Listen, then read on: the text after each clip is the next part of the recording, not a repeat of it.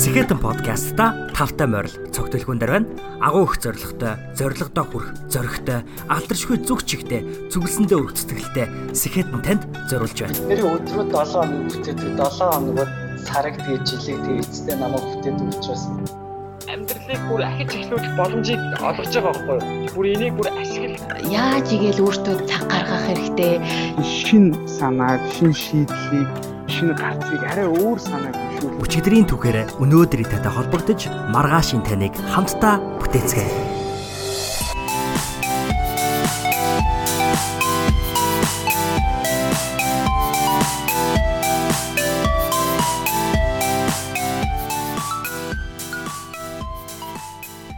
Сайн байцгаана сонсогчдоо. Энэ хүрээд Сэхэдэн төслийн хүрээд бэлтгэн хүргэдэг Ямина подкастын маань 59 дугаар дугаар эхлэхэд бэлэн боллоо.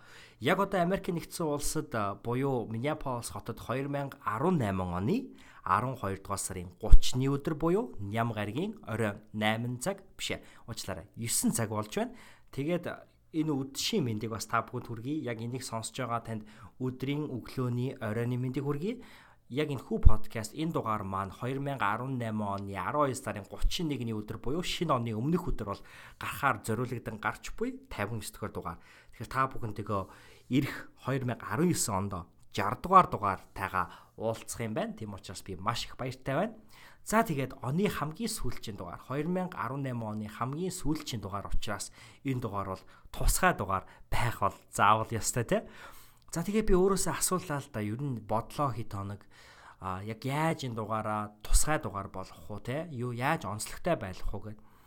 Тэгээд өнгөрсөн буюу Няминан подкастын маань 58 дугаар дугаарт оролцсон жүжигчин жижиг ах маань нэг зүйлийг санд болгосон. Тэр нь юу гэхээр өмнө нь оролцож исэн зочдынхоо хамгийн хамгийнуудыг нийлүүлсэн нэг юм дугаар гаргуул яасан бэ гэж. Тэг би энийг бол маш төгс гой санаа гэж бодож байгаа. Яагаад вэ гэхээр подкаст маань 2017 онд гарсан тий Түүнээс хойш бол бид бүхэн энэхүү Сэхэдэн подкастыг хөгжүүлээд нийт 1 жил гаруй хугацаа бол өнгөрсөн байна. За 2018 он бол яалтчгүй бид бүхний одоо гарааны жил бол байсан гэж хэлж болно. 2017 оны амжилтыг бол 12 дахин нугалсан хэмжээний сонсолтын эзэд бол бид болсон. Тэгэхээр маш их амжилттай ийм он жил өнгөрч байгаа. За энэхүү амжилтын жинхэнэ эзэд нь хинбэ гэх юм бол мэдээж хэрэг энэхүү подкастад үнц нь өгч буй зочид маань байсаар ирсэн. Тэгээ яагаад би зочид маань байсаар ирсэн гэж хэлж байна вэ гэхээр бид бүхэнтэй сонсогч тантай болон надтай өөрсдийнхөө үнтэй цаг заваа зарцуулам тийм ээ өөрийнхөө дахин давтагдчихгүй цор ганц түүх амьдралын туршлага эдгээр зүйлээ бид бүхэнтэй хуваалцсан өөрсдийнхөө түүхээр бид нартэй холбогдсон учраас маш чухал утга учиртай. Бид бүхэд үн цэн өгсөн зүйл байгаа. Тийм учраас зочдтой маш их баярлаа гэж дахин энд хэлхэн зүйтэй авах юуны дөрөнд. За тийгээд а гихтээ хамгийн хамгийн нэг сонгох бол амар хэцүү те. Бүх зочд маань гайхалтай. Нэг ширхэг зочид бүхэн маань маш гайхалтай учраас тэр хамгийн шилдэг энэ хамгийн хамгийн байсан гэд хэлэх бол тун хэцүү. А гихтээ манай Яминэн подкаст маань хэрвээ та манай Яминэн подкастын 1 жилийн ойн дугаарыг сонссон бол ерөнхийдөө өнгөрсөн одоо подкастынхаа 1 жилийн хугацаанд бид бүхэн яг 8 гол санаанд төвлөрөөд байсан юм байна гэдгийг ажигласан байна. Тэгэхээр яг энэ хүү 2018 оны хамгийн сүүлчийн дугаараа яг тэрхүү ажигласан 8 зүйлийнхаа хүрээнд хамгийн хамгийнуудыг бол тодруулсан гэж хэлэх юм уу та. Тэгээ хамгийн хамгийн гэхээсээ илүүтэйгээр зүгээр 2018 он гэх гэдэг энэ одоо өнгөрч буй оноо хэдүүлээ зүгээр ингээд мартаад хойноо үлдээгээд явах биш те. 2019 онд шин шин зорилгоо тавиад ингээд цаашаа гарах биш. Цаа нэг шинэ он гарахаас өмнө эсвэл магадгүй та нэг шинэ он гарцсан байх үед сонсч иж болно. Хамаагүй. Шинэ он эхэлж байгаа яг энэ үеийг тохиолдуулаад төр зурдаа нэг амс хийгээд байгаа газараа зогсоод урдаа байгаа том зорилгоудаа харахаас төрүүлээд хоошоогоо нэг хараад би ямар замыг туулав, юуг ойлгож ухаарав гэдгээ бодож, мэдэж, санаж, сэрээд хідүүлээ эргээд урагшаага хараад 2019 9 онтойгоо золгон уулзалтууд илүү хүчтэй, илүү чадaltaй, илүү гайхалтай, зугаатай тим он жилийг бас энэ 2019 онд өнгөрөөх болно гэж би туйлын итгэж байна. За тийхэд тийм учраас хэдүүлээ энэхүү 2018 оныхаа хамгийн сүүлчийн дугаар руу үсэрцгээе.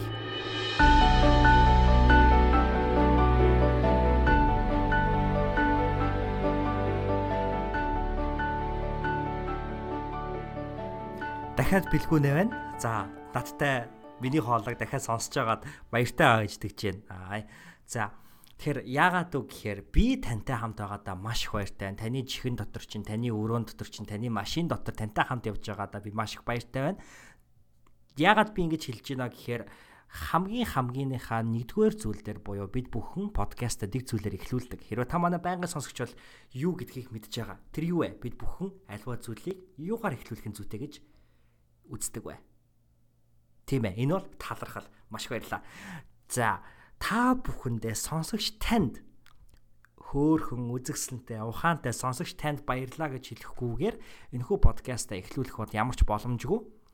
За, манай подкаст маань 2018 онд түрэн дурдсанчлан 12 дахин одоо илүү амжилтын бол эзэд болсон. За тэгээд би 2018 онд подкастынхаа нэг жилийн ойн Ямин подкастын дугаар дээр яг ямар ямар тоо статистиктэй те ямар хотоос ямар улсаас ямар хүмүүс илүү их сонсож ийн эдгээрийг бол дурдсан байгаа бүх тоо баримт статистикуудыг бол хэлсэн байгаа тийм учраас үүнийг дахин нэмээд яах вэ мэдээж хэрэг бол дэвшил өөдөө ахисан ахиц байгаа.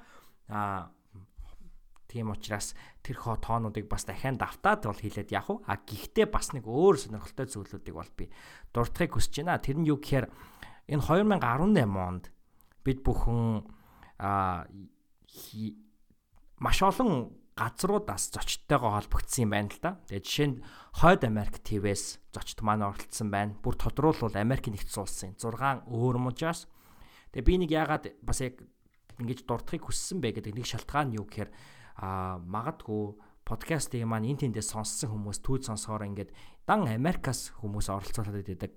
Эсвэл дан одоо Америкт сурж байгаа оюутнууд оролцдог нэвтрүүлэг юм уу гэсэн юм ойлголт бол өгсөн байх магадaltaй. Ягаад гэвэл мэдээж хэрэг би өөрөө Америкт байгаа учраас миний Америкийн байгаа энэ дотны хүрээлэл маань тодорхой нөлөө бол миний одоо хийж байгаа ажил нөлөөлөх нь бол даамжиггүй. А гэхдээ бол тэр бол миний зорилго биш. А миний зорилго бол аль болох дэлхийн өнцөг болон бүрт байгаа. Магадгүй өнцөг болон бүрт байгаа гэдг нь болохоор мөрөөдөл маань дэлхийн төв болгон бүс нутаг болгоноос бол хүмүүс оролцуулахыг бол хүсдэг. За тэгээ өөр бүс нутгууд нь жишээ нь юу вэ гэхээр баруун Европоос хүмүүс холбогд зочид оролцсон, Төв Азаас мэдээж хэрэг зочид холбоо оролцсон, зүүн өмнөд Европоос оролцсон, Скандинавын улсаас холбогдсон, зүүн өмнөд Азаас холбогдсон гэд маш олон бүс нутгуудаас бол манай зочидод оролцсон байдаг.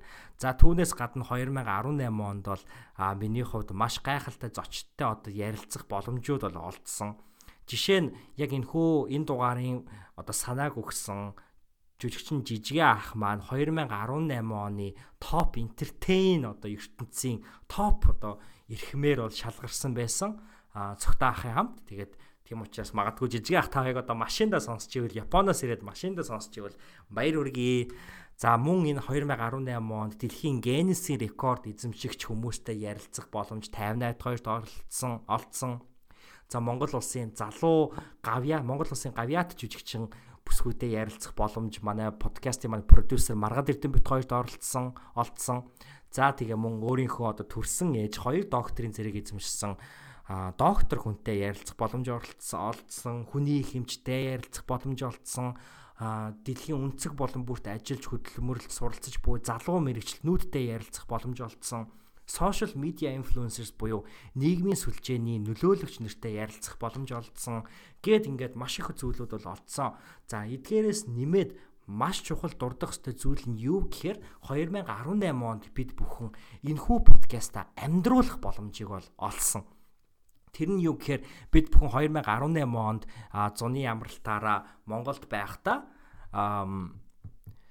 Ямин амнараа гэдэг подкастынхаа үйл ажиллагааг амьд байдлаар бол хийсэн байгаа. Тэгээд энэ хүү үйл ажиллагаанд одоо манай подкастт маань оролцож исэн өмнөх дугаарын зочд маань хүрэлцэн ирээд сонсогч та бүхэнтэйгээ уулзаж амьд харилцааг бий болгосон те. Өмнө нь болохоор бид нар зөвхөн чихээрээ сонсдог байсан бол энэ хүү үйл ажиллагаа маань жинхэнэ амьдараа буюу би биенийгаа нүдэрээ харж би биенийгаа чихээрээ сонсч би биенийгаа хүсвэл тэрч мэдэрч те. Би биенийхээ үнрийг авч та 5 мэдрэхүүгээрээ мэдэрсэн юм. Амьд ивентийг бол бид бүхэн хийсэн байгаа. За подкаст гэдэг зүйл бол 2018 онд бол Монголд үнэхээр яалтчгүй эрчийг бол авсан маш олон шин шин подкастууд бол гарч байгаа. Манай Ямин ам подкаст маань маш болгон сүлдээ подкаст байсан. Ягаад гэхээр манай Skeden podcast-ийн Ямин нэвтрүүлэлд оролцсон маш олон зочд маань бол өөр өөрсдийн гэсэн бас подкастуудтай болсонд би маш их баяртай байдаг.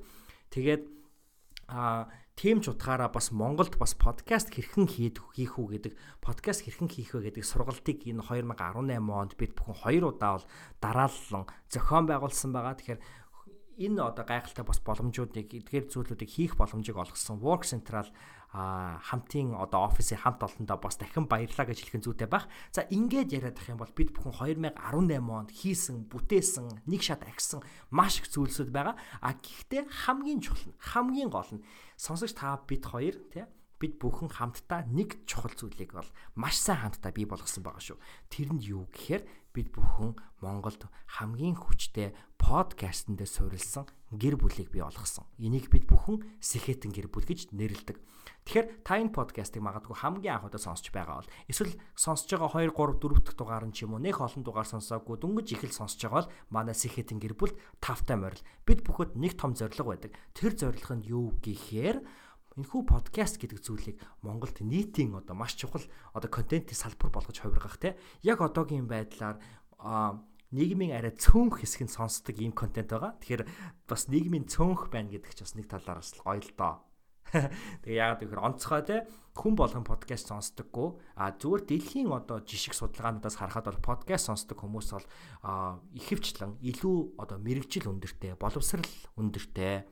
За тэгээд өөрийгөө одоо хөгжүүлэх те тийм өндөр дур хүсэл сонирхолтой өөрөөр хэлбэл одоо залуу мэрэгчлэтнүүд те young professionals илүү сонсдог ийм хүмүүс бол төрхөө одоо подкаст сонсдог. За тэгээд ер нь бол одоо яг тэрхүү хандлага ч гэсэн Монголд бол их хажигддаг. Манай подкастыг сонсдог хүмүүс л яалтчгүй маш сэхэлэг, маш ухаалаг, маш боловсралтай а маш одоо харьцааны өндөр соёлтой тий Харвардд төгссөн хүнээс илүү харьцааны өндөр соёл боловсралтай хүн бол хамаагүй илүү байдаг. Тэгэхээр яг манай подкастын сонсогч нар бол тийм байдаг гэдгийг би бол энэ 2018 онд та бүхэнтэйгээ амьдараа уулзаж байхад та бүхэнтэйгээ мессежээр чатлж байхад бол мэдэрсэн, уулзсан, ойлгосон тийм байгаамаа. Тэгээ тийм учраас хамгийн эхлээ би та бүхэндээ баярлаа гэж хэлхийг хүссэн юм аа. Баярлаа. За тэгээд одоо яг энэ подкастын маань 2 дугаар хэсэг те 2 дугаар хэсэг дээр бол нэг инээдтэй зүйл болно. Тэр нь юу гэхээр дахиад би ярина. Гэхдээ бас би ярихгүй. Юу гэсэн чигээ. Тэр нь юу гэхээр яг одоо 2 дугаар хэсэг дээр Ямин 8 подкастын 2 дугаар асуулт юу гэдгийг та бүхэн мэднэ шүү дээ. Энэ 7 хоногт онцлог контент гэж. Тэгэхээр Надаас маш олон хүмүүс ерөнхийдөө бол англи хэл яаж сурах уу, Америкт одоо сургуульд хэрхэн суралцах уу гэд энэ асуултуудыг бол маш их асуудаг. Тэгээд мэдээж хэрэг Америкт суралцах, ер нь англи хэлээр сурдаг сургуульд суралцахад бол мэдээж хэрэг англи хэллээл сайжруулах нь ёстой. Англи хэлээ сайжруулахад хамгийн чухал үр нөлөө нөлөөтэй арга нь юу гэхээр мэдээж хэрэг ном унших. Тэгэхээр хоёрдугаар хэсэг дээрээ би нэгэн подкаст буюу Ямина подкастын 26 дугаар дугаар дээр зочин хөтлөгч Алтан гэрэлтэй хамт оролцсон ийм дугаар байдаг. Тэгээд зочин хөтлөгчтэй оролцож байхдаа бол мэдээж зочин нь бол би байсан гэсэн. Тэгээд энэ дугаар дээр би The Five People You Meet in Heaven буюу Diwachin дуалцах 5 хүн гээд Mitch Album гэдэг нэртэй зохиолчийн энэ хүү номыг бол онцолсон байдаг. Тэгээд а энэ номыг бол би яалтчгүй 2018 оны хамгийн онцлог ном гэж бол хэлмээр байна. За Түүнээс гадна номноос нь гадна номноос нь магадгүй илүүтэйгээр энэхүү номын зохиолчийг би маш их онцлмоор байна. Тэг яагаад би энэхүү зохиолчийг маш ихээр онцлмоор байна вэ гэхээр Mitch Albom гэд энэ хүн маань өөрөө маш олон одоо яг энэ төрлийн буюу ийм одоо non fiction те уран зохиолын номнууд бичдэг. За энэхүү номнууд бич уран зохиолын номнууд бичгээс гадна мөн non fiction буюу уран зохиолын бус номныхаа төрөлд бол маш алдартай. За тэрхүү алдартай төрөлт нь өөрийг нь гаргаж ирсэн New York Times-ийн bestseller бүк нь ном нь юу вэ гэхээр Tuesdays with Morris буюу Moriтой өнгөрүүлсэн мягмар гаргууд гэдэг энэ ном байдаг. Тэгээ энэ ном бол миний амьдралд их утга учиртай ном. Яагаад тэгэхээр би хамгийн анх Америкт ирээд хэлний бэлтгэл нэг семестр сурч байсан. Хэлний бэлтгэл нэг семестр сурахдаа хамгийн ихэнд одоо уншиж дуусгаж байсан ном маань яг энэ хүү Mitch Albom-ийн Tuesdays with Maury гэд энэ ном багамаа. Тэгээд энэ ном бол уншихад маш амархан, им ойлгомжтой, тэгсэн хэрнээ маш одоо ингээд сэтгэл хөдлөгдөг. Би өөрөө англи хэл яг ингээ 10 жилдээ би өөрийгөө англи хэлтэй дайжгүй гэж боддог байсан. Тэгээ яг ингээ Америкт ирэхээр үгүй юм бэл. Тэгээд тэр номыг уншихад бол ингээ тодорхой хэмжээний төвөгтэй санагдчих байсан. А гэхдээ түүнтэй харьцуулаад би Last the Mockingbird лөө. Айгуу нэг алтартай ном бид дээ. Нэрийг сандаггүй. Тэр номыг унших гад ерөөсөн ойлгохгүйсэн байхгүй юу? Магадгүй би одоо тэр номыг унших хэрэгтэй гэж магадгүй. Гэхдээ юу гэхэд нэхэр би одоо нэг төрлийн англи хэлтэй номыг юусаа ойлгохгүй байхад Mitch Album-ын тэр номыг бол маш сайн ойлгож байсан. Тодорхой хэмжээний бэрхшээл байсан ч гэсэндээ а яг тэр номноос авах зүйлээ аваад гуниглах үедээ гуниглаад сэтгэл маань хөдлөөл тэг ингээд бүх мэдрэмжүүдийг бол тэр номноос л авч исэн яг одоо унган хэл дээр уншиж байгаа юм шиг л мэдрэмжүүд авсан гэсэн. Тэгэхээр магадгүй та англи хэлээ сайжруулах гэж оролдож байгаа бол за түүнээсээ гадна амьдрал чинь маш одоо том өөрчлөлтийг авчрах ном бүтээл олж уншихыг хүсэж байгаа бол энэ номыг болоод энэ зохиолчийн номыг олж уншаасаа гэж хүсэж байна. За тэгээд энэ одоо 2 дугаар хэсэгтээ онцлоод Нямын 8 подкастыг 26 дугаар дугаар дээр тэрхүү одоо номыг би юу гэж онцолж ясныг хэдүүлээ нэг хамтдаа сонсоотгоё. За тэгээд 2 дугаар асуулт руугаа альбом ясаар хариулахаа. Ямар ном бэ гэдэг тийм ээ. За энэ номыг болохоор та бүхэн Яминан подкастын маань 24 дугаар дугаарыг сонссон бол миний найз охин дарсвран оролцож хид хидэн номыг ер нь дугаарынхаа дурдсан юм байна. А тэр дурдсан номнуудынх нь нэг нь юу байсан бэ гэхээр Деважинд уулзах 5 хүн гэдэг нэртэй Мич альбом гэдэг хүний зохиол. Мич альбомыг ч өөрөө мэдэн те. Tuesdays with Morrie гэдэг зохиол. Зохиолч. Тэгээ тэр номыг би сая яг энэ ням бүрүү гарагт Флорида мужид буюу Майамид өнгөрүүлсэн хамгийн сүүлийн өдрөө дараагт хоёр далайн эрэг дээр ер нь бол өнгөрүүлсэн баггүй баг бүхэл өдрийг одоо ч харж байгаад ингээ түлэгдтлээ. Боролтлоо. Тэгээд бид хоёр ер нь бол нэгтгэд очоод нэгтгэд очоод нэгт хоёрт гуравт гээд бүтэн өдрүүдийг ингээд энэ тэрүүгээр яваад айгүй юм хум үзээд ингээд нэлээд завгүй өнгөрүүлсэн. Тэгээ сүүлийн өдрөө нөгөө хүн нэг юм дуусахаар чинь ингээд сэтгэл ингээд зураад хэцүү байдаг дээ явмааргүй. Тэгээ яаж яхад чинь ямар сайхан дулаахан юм те. Тэг ингээд явмааргүй санагдаж. Тэгээ бит хоёр за хамгийн сүүлийнх нь өдөр Майами гэдэг энэ хот тийм ээ. Энэ Флорида муж юугаар алдартай вэ гэхээр зөвхөн энэ Флорида мужд биш Майами хот бол угаасаа Америкийн нэгдсэн улсын хамгийн гоё далайн эрэгтэй газар гэж цоллогддог. Тэгээ Soft Beach буюу одоо өмнөд далайн эрэг гэдэг аа тийм одоо бич байдаг байхгүй далайн эрэг тийм. Тэрэн дээр бит хоёр очиж өдөржингөө байсан. Тэг яг тэрэн дээр хөвтөж явахдаа би дараагийн тэрхүү дурдсан Деважинд уулзах 5 ном 5 хүн гэдэг тэр номыг уншсан байхгүй. Тэгээд нэг талыг нь уншичаад дараа нь эргээд онгоцсон суугаад Миннесота муж руугаа ирж явах замдаа уншиж дуусгасан. А тэгээд хамгийн сүүлд нэг 3 4 хуудас үлдсэн байсныг нь би юу яасан юм. Сая өнөөдөр уншиж дуусгасан. Тэг яагаад гэхээр би нэг онгоцонд нөгөө орохоор ингээ найр үрд унтах гад байдаг. Тэгээ яг ингээ сүүлийнхаа хэд хуудасыг ингээ уншиж явахдаа бүр ингээ дохиол те. Гол ингээ уншичмаар байдаг. Тэгээд найр үрэл нөгөөдгөө бүр зүүдэлж мэдлээ. Тэгээ яасан. Тэгээд би яагаад яг пүрүү гарагт одоо амар ингэ явмааргүй тэм сэтгэлийг ааж исэн хэлж исэн тэрийг айгуух дурдж байна гэхээр яг тэр номны хамгийн гол санаа нь юу гэхээр нэг зүйлийн төгсгөл нөгөө зүйлийн эхлэл байдаг. Энэ бол тэр номны хамгийн гол санаа. Тэгээд тэр номон дээр ер нь юу болдог вэ гэхээр тэр Эди гэдэг залуу байдаг хгүй 83 настай өвөө л дөө. Тэгээд тэр өвөө болохоор 83 бинүү 87 за 83 бах. 83 насны дээрээ бурхан болж байгаа. Тэгээд бурхан болчоод Диважинд очоод 5 хүнтэй болж байгаа Тэгээд тэр хүний амьдрал төгсөж байгааж яг тэр зохиол дээр төгсөж байгааз. Гэхдээ а тэр хүний хувьд бол диважин очоод одоо өөрийнхөө хуучин амьдралыг дахин одоо эргэж сөхөж хараа тийм ээ юун дээр алдсан юм дээр онсон мэн гэдгийг хараад шинэ амьдралыг эхлүүлж байгаа нэг эхлэл байгаа байхгүй. Тэгэхээр өнөөдөр бид нар үхлийг төгсөл гэж хардаг мөртлөө бас эсэргээрээ үхэл юмны эхлэл байдаг гэсэн амар гол санаатай. Тэгээ би нөгөө нэг пүрүү гарагт ингээл яваа хурдан одоо ингээ явах гээд явахгүй байх юмсан одоо ингээл аялал маань төгслөө те. Буцаал нөгөө хүүтэн Миннесота мужи чи хүүтнэрээ алдартай Флорида мужи л дулаанаар алдартай те. Тэгэл ингээл хүүтэн дулаанаас хүүтэн рүү очичлоо гэл ингээл харамчсан яг тэрийг уншаал. Аа энэ миний ингээд энэ spring break дуусчин те. А гисэн хэдиж эн чинь миний одоо хичээлийн семестрийн 2 дугаар одоо эхлэл шин зүйлийн эхлэл гэдэг ингээ надад бодогдож байгаа юм. Тэгээд тэр ном бол шууд тэр үед ингээ миний майндсетийг буюу сэтгэлгээг ингээ өөрчилж байгаа. Тэгээ тэр номон дээр гардаг нэг таван санааг нь одоо буюу тэр таван уулдсан хүнийг нь би ер нь сонсогч нартаа хэлье гэж бодож байгаа байхгүй.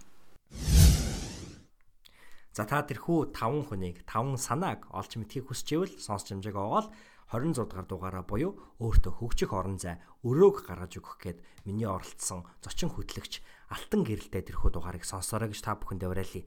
За энэ номыг Мич альбомын Деважин дуулцах 5 хүн гээд номыг онцолж байгаа бас нэгэн чухал шалтгаан байгаамаа.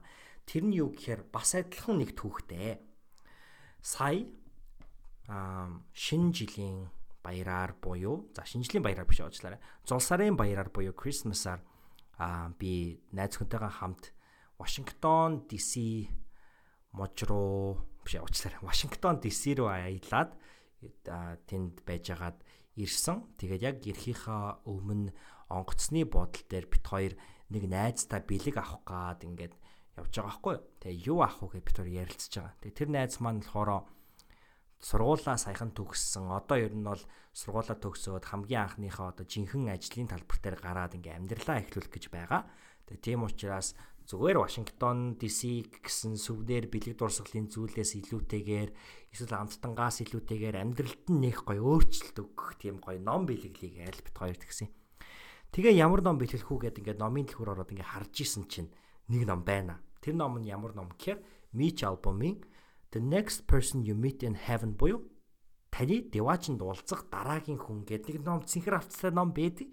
Тэгээд тэр номыг харсан чинь нөгөө деваачнд уулзах 5 хүн номын 2 дугаар анги гарсан байна лээ. Тэгээд та энэ номыг өмнө уншиж исэн бол энэ номыг мэдэх бол гой мэдээ байгааз 2 дугаар анги гарсан байлээ. Тэгээ бид хоёр баг 2 зүйл 2 2 бодлохгүйгээр тэр номыг аваад тэр найзтай бол бэлгэлсэн. Тэгээд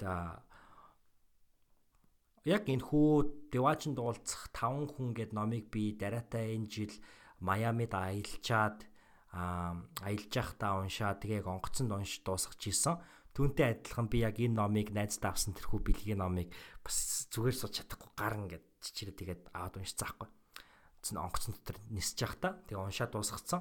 Нааш ирж явахдаа онгоцон дотроо тэгээд яа би ёстой нэрээ нэг ном уншиж явахдаа тэгэж өстө ойлж үзээгүй нэрээ айхтар их уйлсан. Тэгээд яг ч уншиж байхдаа уйлаагүй байхгүй юу? Уншиж байхдаа бол уйлсан юм аа. Гэтэ яг ингээд буучаад ингээд дараа ямар ном байна гэд ингээд тэгээ би дараад ингээд ярьж байхдаа ингээд өөр ирэхгүй бүр ингээд уйлцсан. Тэгээд маш сэтгэл хөдлөсөн энэ ном байсан. Тэгээд тэгээ тэгээд л ярих юм. Энэ номыг бол заавал та бүхэн ингээ хэлмээр байна. Англи хэлээ сайжруулах гэж байгаа бол Mitch альбомыг унш. Уншихад маш одоо ойлгомжтой англи хэлнийтэй чадрыг дээшлүүлэх нь бол дамжиггүй. Ягаад тэгэхээр маш гоё уран юм шүлгэлэн бичдэг. Тэгсэн хэрнээ үг хэллэгүүд нь маш ойлгомжтой. Та хэрвээ амьдралаа өөрчлөх хүсэж байгаа бол Mitch альбомын номыг унш. Зүгээр л үхэл гэдэг энэ одоо эцсийн зогсоолыг ашиглаж тэ тэрхүү эцсийн зогсоолын тухай сэдвийг ашиглаж бид бүхэн яг одоо энэ цагтаа яг энэ амьдралдаа хэрхэн зөв амьдрах уу гэдгийг бол маш гоё харуулсан тийм гайхалтай бүтээл байгаа тийм учраас заавал унш гэж та бүхэнд хэлмээр байна. Тэгээд уншдаггүй унших гэж байгаа уншихыг хүсэж байгаа хүмүүстээ багахан спойлер хэлэхэд бол яг энэ хүү одоо номон дээр гардаг хуучин ном нэгдүгээр ангийн номон дээр нь гардаг эди бол энэ номон дээр дахин гардаг. Тэгээд тэрхүү энэ номын одоо гол дүр нь бол эди бол биш. А гэхдээ эдигийн аварсан нэг охин байд юм а айны гэд. Тэгэхээр мэдж байгаанууд нь мэдж байгаах мэдэхгүй нь бол мэдэхгүй байгаа мэддэг болоорой гэж та бүхнээс бол хүсэж байна яагаад тэгэхээр мэддэг болохгүй бол харамсмаар тийм л сайхан ном доо. За тэгээд үлээ дараагийн онцлог зүйл рүүгээ орцгоё. Цаг хугацаагаар аялах дараагийн зохицуулалт Нямин 8 подкастын 25 дугаар дугаар бид бүхний хүндэт зочин, хүний ихэмж, Баяраатрын оролцсон стрессгүй амьдрах арга бол би гэж биш, бид гэж амьдрах гэдэг нэртэй дугаар байгаа. Тэгээ энэ хүү дугаар дээр мэдээж хэрэг онцлог гэх юм бол маш их зүйл бусад дугааруудын адил бол байгаа. Гэтэ би бол нэг хэсгийг бол тусгайлан бол одоо сонгож авмаарай. Тэг яагаад үг гэхээр өөрөө Баярбатар маань маш сайхан нэг тийм сонирхолтой одоо чимхтэй маш богинохон түүхийг бол маш баяжуулж маш одоо ухаарлаараа чимэж бол бид бүхэн тайлбарлаж өгсөн байдаг. Тэгээ тэр хүү одоо түүхээр бас би та бүхнийг аялуулъя гэж бодож байна. Тэгээ хэдүүлээ энэ хүү 3 дугаар хамгийн хамгийн онцлог 2018 оны хэсэг рүүнийг цаг хугацаагаар аялцгаая энэ 7 өдрид би юуг өөртөө нөлөөлүүлэхээр сонгосон бэ гэхээр яг ингэ нэгтгэхийн өглөө би жоо оройтой уссан байхгүй. Аа. Оройтой туссан. Тэгээд 8 цагийн хичээлдээ хичээлдээ ч гэж нэг өвчтнүүд түгээл ингэ яашчихсан чинь яг 8 цаг болол Таиландд төрөнд бол 8 цаг 6 цагт ирэхэд бол их ширхэлдэг. Өглөөний 8, оройн 6 цаг. Тэгээд 100000 үйлчлүүлэгчтэй гэж хэлсэн манай имлэг. Тэгээд ингээ гейтүүдээр ингээ үйлчлүүлэгчид ингэж явж хахаар гинт бүх юм ингээ зогсохоор ирэхэд бол айгүй тийм стресс санагдаж юм чи. Яа тэгэхээр 8 цагт төрөнд бол сонсогдохоор ихшүүлэхээр хүмүүс зогсож хүндэтгэл үзүүлдэг. Тэгээд тэр нэг 30 секундээс ихгүй үргэлжилт юм. Тэгээд би өөрөө яг ингээ гүүчин гүүцэн явж байсан учраас маш сонирн байдал зогсно л доо. Хүмүүс хараад намайг ирэхэд бол их фан байдлаар хүлээж авч бодсон баг. Тэгээд тэр 30 мянга тэр чи төсөөлтөө яг ингээд хүмүүс гинт ингэ амар олон хүмүүс годамжаар ингэж явж байгаа л бүгдээрээ гинт зогсно. Яг ингээд хөлтөөцсөн юм шиг. Бүр зарцаацсан юм шиг. Аа хамгийн анх одоо би мэдхгүй шууд холоор нь явцсан байсан. Бид нарт яагаад зогсоод ингээд хөлдөгцсөн юм шиг гараад байгаад байна гэсэн чинь нөө төрөнд бол сонсоод хөндлөж байгаа. Тэгээд тэр 30 секунд надад их гялс юу бодогдуулж амжсан мэх. Би чинь юунда яарад байгаа юм бэ? Тэ гэдэг зүйл одоо аюул сэн санагдсан. Яагаад бид нар ингэж яарад тэгээд үргэлжлүүлээд ингэж бодоход тэрнээс хойш алхаж байхдаа би үргэлжлүүлж бодсон. Яагаад би ингэж хурдууртаа алхах юм бэ? оюутан байхасаа л ингээд бодохоор би амар хурдан алхах одоо хүн байсан юм уу? Яагаад би ингэж хурдан хурдан алхаад байгаа юм? Яагаад ингэж одоо ингээд нүүбийн залуучдын зүрх хороо нүү одоо ингээд зөндөө олон ингэж газруудад ажилласан. Яагаад ингэж ийм олон яг жоохон аялах туртаа тэгээ нилээд орноор аялцсан.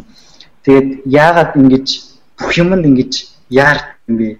Тэгээд яг ингэж чамд ингэ сэтгэл чинь тод үлдсэн хэдэн зүйл нэг чиний сэтгэл тод үлдсэн байна вэ гэж би бодсон байхгүй.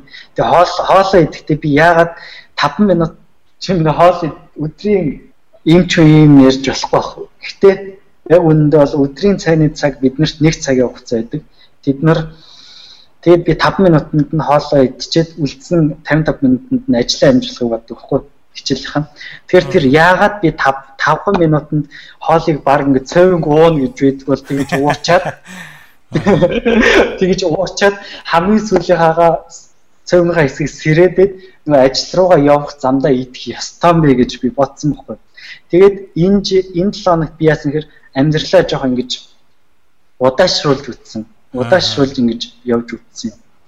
Хоолоо нэг 10 минутанд яг нэг хүн шиг суугаад идчихье Баярбатраа 15 минутанд спорчих ингээд 50 хоолоо яг намдхаа дуусгаад босчих тоо гэд тэгээд удаа алах юунда яарад байгаа ингээд ингээд өөргөө жоохон пүштэй тэг ингээд их удаан гэж бүх юмыг ингэж мэдэрч юу яхахыг бодсон амьдрахыг бодсон тэг энэ өөрөө их чухал юм байна л да ингээд одоо ингэж олдож байгаа моментуудаа мэдрэн гэдэг өмнө нь зүгээр бодож исэн ч гэсэн яг энэ 7 хоногийн шиг ингэж сэтгэлд ойр бууж ингэж мэдрэгдэжсэн юм бол ховор.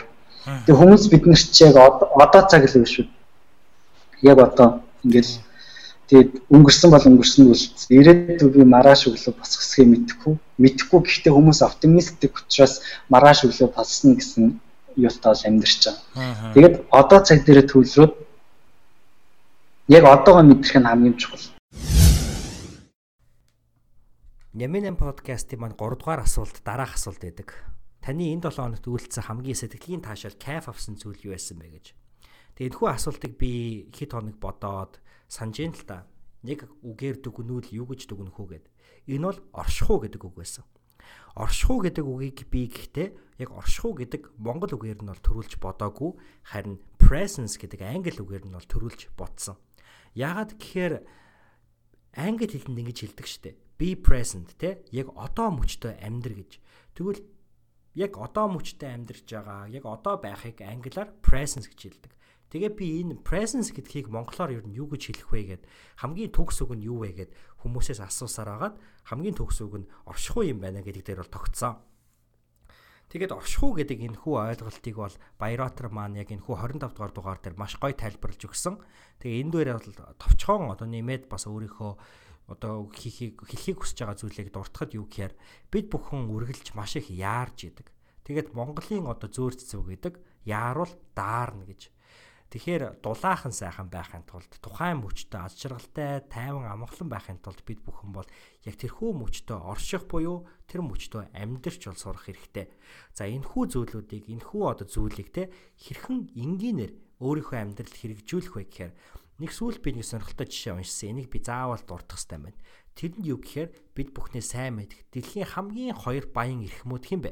Нэгт одоогийн байдлаар би зөв санаж байгаа бол Amazon-ы Jeff Bezos, хоёрт Bill Gates байгаа тий Microsoft-ийн Bill Gates. Тэгээ энэ хоёр хүний нэг ийм сонирхолтой дадал байна л да. Одоо хүртэл хадгалж авч үлдсэн. Тэр нь юу гэхээр орой олгон аяг тавга угаадаг. Орой олгон аяг тавга угаадаг та гайхч магадгүй. Юу вэ? Дэлхийн хамгийн баянтай унтчихта мөнгө олдог энэ эрхмүүд чинь яхаар аяг тавгаа угаад юм. Аа, ер нь угаас унтчихта мөнгө олт юм чи аяг тавгаа угаасан чи яа тийм те. Аяг тавгаа угаачихта мөнгө олж байгаа юм чинь гэж бодчих магадгүй. Би тэгэж бодсон аахгүй. Гэтэ жинхэнэ шалтгаан нь юу гэхээр аяг тавгаа угаана гэдэг нь тэдгээр хүмүүст яг тэрхүү мөчтөө нөгөө амьдрах те тэр мөчтөө одоо нэг үгээр бас хэлвэл бясалгах боломж олгодог яг ингээд угааж явахдаа өөр дутуу илүү дутуу юм бодох биш те. За ингээд сайхан спонжо буюу одоо тэрхүү нэг аятаг угаадаг юма барьж аваа дээрээс нь савнгаа асгаа тавгаа ингээ угаагаад хөөсрүүлээд нөгөөтгөө усан доор бариад хамаг савнгийн хаяад одоо урсуулад тэгээд тавгаа ингээ хураагаад эсвэл арчаад ингээд тэр одоо хийж байгаа үйлдэл болгоно маш одоо ингэж тухайн мөчтэй амьдрч хийх те тэгээд ерөөсөө яарах биш. Яг хийж байгаа зүйл дээр л төвлөрөх гийг хэлээд байгаа. Тэгээ энэ нь болохоор эргээгээ таны одоо амьдралд одоо стресс бууруулах нь бол шинжлэх ухаанаар батлагдсан кортизол левел буюу одоо стресс гормоны төвшинг бол бууруулдаг. Үүнээс үндэслэн та бол ад жаргалтай амьдрах юм байна гэдгийг бол одоо шинжлэх ухаан бол маш ихээр зааж байгаа. Тийм учраас альваа хийж байгаа зүйлээ ажиллаа хийж явахдаа, спортоор хичээлж явахдаа, хичээлээ хийж байхдаа тий магадгүй та одоо зүгээр энгийн жишээ гэх юм бол зохиолчд их хэрэгэлдэг дээ энэ аргыг. Жишээ нөгөө зохиолтчд нь ингээд нөгөө номоо хөвлүүдэд ингээ мянга мянган одоо ингээ хувууд ингээ гаргаад ирдэг. Тэгээ тэр нөгөө хувууд дээр ингээ гарын үсгээ зураад ингээ хүмүүст одоо илгээх юм тохиолдол одоо маш их гардаг дээ. Тэгээ яг одоо маш сайн зохиолч нар ч гэдэг юм уу юу гэдгийг одоо энэ бясалгах ухааныг маш сайн ойлгодог зохиолч нар бол тэрэндээ их дуртай байдаг гин. Ягаад тэгэхээр ингээд нэг ном аваад гарын үсгээ өгөөл цаашаа ингээл тавиал нэг ном аваад гарын үсгээ зураал ингээл цаашаа тавиал энэ бол бас л нэг төрлийн бясалгах хэлбэр. Тэгэхээр бясалгах нь гэхээр заавал ингээл сонин сонин суултаар суугаад ч юм уу те ингээл өөрийгөө гэрэлтэй агаарт хөөрч нис чинь гэж төсөөлөх ч юм уу ийм төсөөлөл энэ дээрээс илүүтэйгээр яг л тэр мөчтэй амьдрах өөрийнхөө амьсгал дээр төвлөрөх илүү дутуу зүйл садаа зовлох яг энэхүү мөчтэй амьдрах өнгөрсөн шаналх ирээдүгээсээ болж айх биш те. Яг энэхүү мөчтэй амьдрахыг бол хэлээд байгаа маа. Тэгээ энийг бид бүхэн орших уу гэж нэрлэдэг байгаа маа Тэгээ энэхүү гайхалтай ухаарлыг 2018 онд бид бүхэнд сануулж өгсөн, ойлгуулж өгсөн Баярбаатар та баярлаа. За дараагийн маань бид бүхний аялах хуучин өнгөрсөн үе рүү аялах аяллаа маань цэг хаана вэ гэхээр Ямин 8 подкастын 32 дугаар дугаарын оролцогч булганаар булганид зочлох юм байгаа. За тэгээд булганыг бид бүхэн бол сайн мэднэ. The Mongol Student Vlog-ийн host тийм ээ. Тэгээд булган маань яагаад би булганы яг энэ хөө дугаарыг онцолж байна гэхээр Ямин подкастын маань дөрөвдүгээр асуулт а болохоор онцлог дадал зуршилтыг рутин гэж суудаг.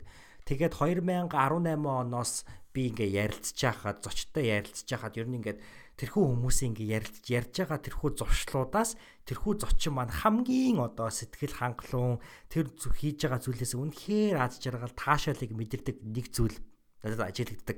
Тэр зүйлийг нь би өөрөө ч маш сайн ойлгодог, мэдэрдэг. Учираас энэ дугаар ялангуяа энэ булганы ярьж байгаа тэр үнэхээр бүр ингээд дуртай, хайртай гэдгийг мэдэгдэж байгаа энэ мэдрэмж нь бүр надад ингээд хүрсэн учраас би яахын аргагүй онцлогыг хүсэж байгаа. За тэгээ тэрхүү дадал зуршлал нь юу вэ гэхээр гүйх байгаа. Тэгээ гүйлтийн спортоор хичээлэх байгаа. Тэгэхээр 2018 оны онцлог хамгийн хамгийн чухал дадал зуршил бол гүйлтийн спорт. Миний бас ингээд ер нь бол хамгийн их жин хасж исэн, хамгийн эрүүл байсан үе маань ч гэсэндээ гүйлтийн спортоор хичээлж байсан үе бол байдаг. Тийм учраас ер нь бол гүйлтийн спорт гэдэг бол маш их одоо давуу тал амьдралтай маш одоо гайхалтай зүйлүүд авчрах нь бол дамжиггүй. Тийм учраас 2019 онд хэрэгжүүлэхийг хөвшүүлэх, магадгүй хөвшүүлээд эхэлчихсэн бол илүү цаашдаа сайжруулах хэвээр зуршил бол би гүүх гэж бол бодож байна. Тэгээ хэдүүлээ инхүү а булганыхаа оролцсон өөрийгөө хайрлж өөрийн чадвартаа итгэх нэртэй 32 дугаар дугаар руу үсрэн нэг орцгоо өнгөрсөн цаг хугацаагаар аялцгаа ямтдаа. За энэ 7 хоногийн үед болохоор би ингээд нөгөө амар сүүлийн үед гүдэг челленжтэй болсон. Тэгээд харамсалтай нь яг одоогийн байдлаар бол би хөлөө гимтээсэн байгаа. Тэгээ яг нөгөө челленж маань дундаа ингээ гацчлаа л да. Тэр нь жоохон харамсалтай ч гэсэн би яг үнэхээр гүж зат амар гой таашаал авдаг учраас энийг би сонсогчтойгоо хуваалцмаар санагдаад байна. Яг л анх одоо манай влог дээр байгаа намуна гэд найз маань нэг өдөр ингээл өглөөс ирсэн чинь 100 өдөр гүцгээ гэж чаленж төрөөжл эхлүүлсэн байсан. Тэнгүүд ягаад ч 100 өдөр гэдэг та харсан чинь надад амар амархан санагдаад би хэрэг 3 сар гэдэг тэр гэж сонсон бол бас хөө зуны 3 сар тасалдгүй гөх юм гэж бодхол байсан баг л та. Тэгээ 100 өдөр гэсэн чинь надад амар амархан санагдаад тэгэл би тухайн үед түрүү 100 эхэлжсэн баггүй юу. Тэгээд гүйж агаад хүүтрээ тэгээд зогссон. Нөгөө яг нөгөө хожоо эхэлсэн болохоор нэлээд хожоо эхэлсэн болохоор тэгээд дуларлан тараа тэгээд зогссон. Тэгээ харин энэ жил нэлээд эрт эхлэе гэж бодоод тэгээ нөгөө 100 өдрийн чаленжийг дахиад эхлүүлвэ. Тэгээ хамгийн гол нь нөгөө э спортоор хичээлж байгаа гүйж байгаа хүмүүсийн хувьд болохоор зөв техник гэдэг бол маш чухал юм байна гэдэг бас нэр ойлгож авсан юм байна. Одоо нөгөө гимтсэн байгаа болохоор гэтээ яагаад энэ гимтэл болсон бэ гэхлээр би нөгөө жоохон сахилга баталдаад юу вэ гэхлээр нөгөө юм тогтмол хурдтайгаар өсөх ёстой байхгүй нөгөө гүйж байгаа хүмүүсийн хувьд одоо жишээлбэл би өвлжөнгөө ингээл гүүгээгүй спорт хийгээгүй хүн чинь гинт гүйж эхлэх юм бол маш багаас эхлэх хэрэгтэй маш бага хурдаар жигд эхлэх ёстой байхгүй Тэгсэн чинь би нөгөө 5 эхлээд 5 минут гүйж байгаа юм. Тэгээ 5 минут гүйж эхлээл дараа нь ингээл 10 болоод ингээл өсдөг байхгүй юу? Тэгсэн чинь би яг нөгөө 10 гүйж эхлээл байжсэн чинь аа нэг удаа гүйсэн чинь бүр ерөөс ятрахгүй болохоор хурдаа нэмээд гүйцэн нөгөө тасралтгүй нөгөө өөрт маань аягүй кайфтайсан болохоор нөгөө дэглэмээ алдчихж байгаа байхгүй юу? Тэгсэн чинь нөгөө нэг хөл маань ачаалаа буруу авсан өвдцөнгийг би мэдгүй дараа тасралтгүй тэр хурдаараа нөгөө өссөн хурдаараа яваад исэн чинь нөгөө хөл маань шүрмсэн жоохон гимтээд тэгээ шалтгаан нь болохоор гүйж байгаа хүмүүс гутал маш чухал юм байна. Яагаад тэлэр нөгөө би жоохон буруу гიშгэлттэй юм байна л да. Нөгөө подиум гэж юм байдаг хөлний нум тэр ном одоо заавал одоо байх хэрэгтэй байхгүй бол тийм номтой уловч моловч хэрэглэх байд юм байна. Тэгэхгүй болохоор нөгөө хөлөнд маань буруу ачаал ирээд одоо миний зүүн хөл маань жоохон буруу ачаал аваад тэгээ тэрнээс болоод илүү хурдан гимтэн гэх юм уу. Тийм болохоор хэрэг гүйж эхлэж байгаа одоо уран дулаан цаг эхэлж байгаа юм чинь тийм сонирхолтой хүмүүс ах юм бол зөв техникийн дагуу сайн судалж агаад гутлаас өөртөө тохируулаад тэгж гүйж эхлэх хэрэгтэй юм байлээ. Тэгээд үүсний дараах хамгийн гоё юм нь болохоор тэр ингээд нөгөө би гүүчээд би өнөөдөр ингээд гүүхгүй байх сонголтынхаа гүүх сонголтыг хийснийхаа дараа ингээд бүр нэг юм өөрийгөө ялцсан мэдрэмж авахгүй юу? Амар хүнд гүйж байгаа юм цастайд гүйж байгаа юм те. Тэгсэн амар ядарсан өдрөө бүр ингээд ажил бүр 11 12 гээд тарцсан дахад хүртэл гүйж байгаа байхгүй юу? Тэгээд тэрний дараа тэр авах мэдрэмж болохоор өөрөө өөрийгөө ялсан мэдрэмж те. Би өөрөө өөрөө авлалтанд хүрсэн тэр мэдрэмж бол үнэхээр бүр юутай зүйлшгүй гайхалтай гоё мэдрэмж байдаг. Тэр нь л амар кайф өгдөө шүү. дээ Аа. Ер нь ихэнхдээ өглөө гүдэг үү, өдөр гүдэг үү, арай гүдэг үү? За миний хүмүүс болохоор өглөө гүөх гэдэг юм. Гэтэ нөгөө өглөө хасангуудаа амар их зүрхэндээ ачаал аваад ингээ гүөх надаас тийм таатай санагддгүй. Аа өглөө хасаа харин би нөгөө тавт өдөр алган нөгөө латин фит гэдэг гэх тийм их юм явдаг байхгүй Сонголт Монголт хийдэг. Харин эсэргээрээ миний хувьд болохоор орой гүхээр нэгт орой ингээд нар мар байхгүй болчаад айгуу тийм гоё сэрүү ороод гүхэд нөгөө хөлөрдөг болохоор нэгт аяг уурын хувьд аяга таатай хоёрт би гүйснийхаа дараа ингээ жоохон ядраад эхлэнгүүт усан дорсны дараа аяга гоё нам унтдаг. Тэгэхээр ингээд аяга гоё үнэхээр нокаутанд орсон юм шиг гоё унтаад өглөөс ирдэг болохоор тэр нь надад аяга таалагдаад тийм.